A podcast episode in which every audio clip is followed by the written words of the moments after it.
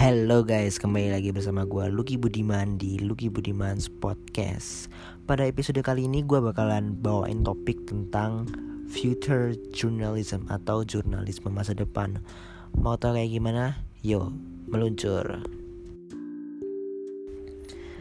Masa depan jurnalisme itu sebenarnya berangkat dari multimedia Yang episode kemarin aku jelasin.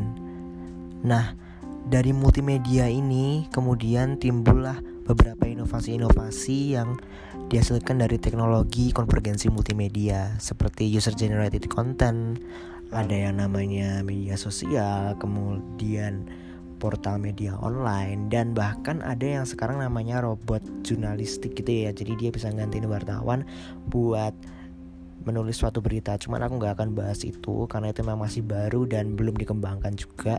Aku ingin membahas uh, gimana sih perubahan-perubahan dari jurnalisme konvensional menuju jurnalisme mata, masa depan yang istilah kerennya itu future journalism.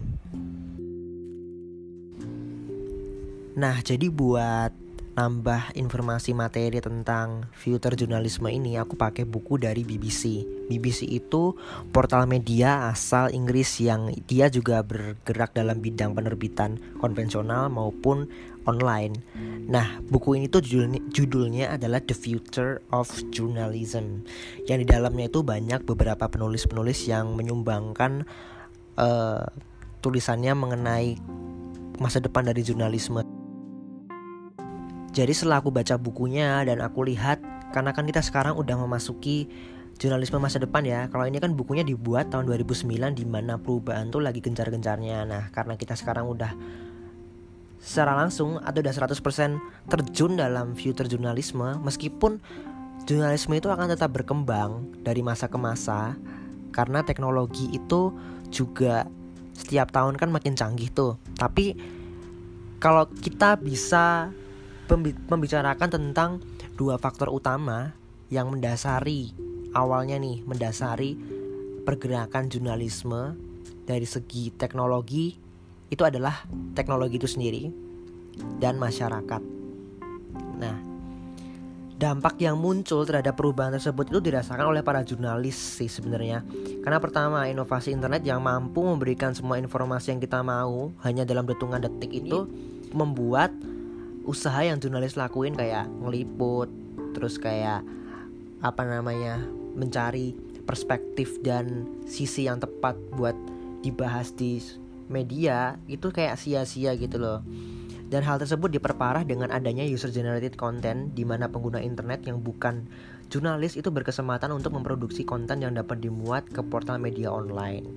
Nah, fenomena ini makin diperparah juga dengan ke jadi uh, jurnalis-jurnalis yang sebenarnya tuh dituntut gitu loh buat apa namanya multi skill karena kan sekarang yang namanya multimedia kan udah menggabungkan gambar, video, audio gitu ya. Jadi secara nggak langsung uh, future journalism ini menuntut mereka untuk bisa edit video, bisa bikin podcast dan lain-lain. Yang sebenarnya itu belajarnya kalau menurut aku pribadi itu enggak mudah. Harus ada kayak teknik-tekniknya juga. Kita harus belajar softwarenya juga ya. Dan menurut aku itu emang salah satu tantangan yang harus mau nggak mau dihadapi oleh jurnalis. Kalau kita kan sekarang udah full di future jurnalisme. Coba deh bayangin orang-orang yang sebelumnya itu masih belum belajar sama sekali gitu loh tentang kayak software editing video, software editing podcast atau mungkin fotografi.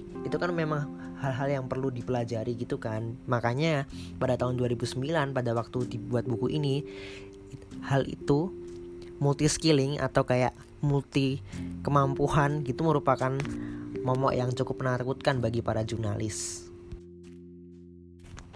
Nah, meskipun demikian, uh, jurnalisme masa depan tuh nggak selamanya buruk loh. Karena apa?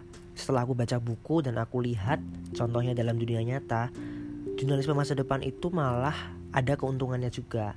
Yang pertama yang tadi aku sebutin, yang kayak user generated content, itu sebenarnya bisa kita manfaatin buat apa nih kita sebagai pihak media nanya nih ke masyarakat kira-kira apa sih yang bikin mereka tertarik sama media kita atau kira-kira topik apa sih yang lagi hangat diperbincangkan atau menarik buat diliput.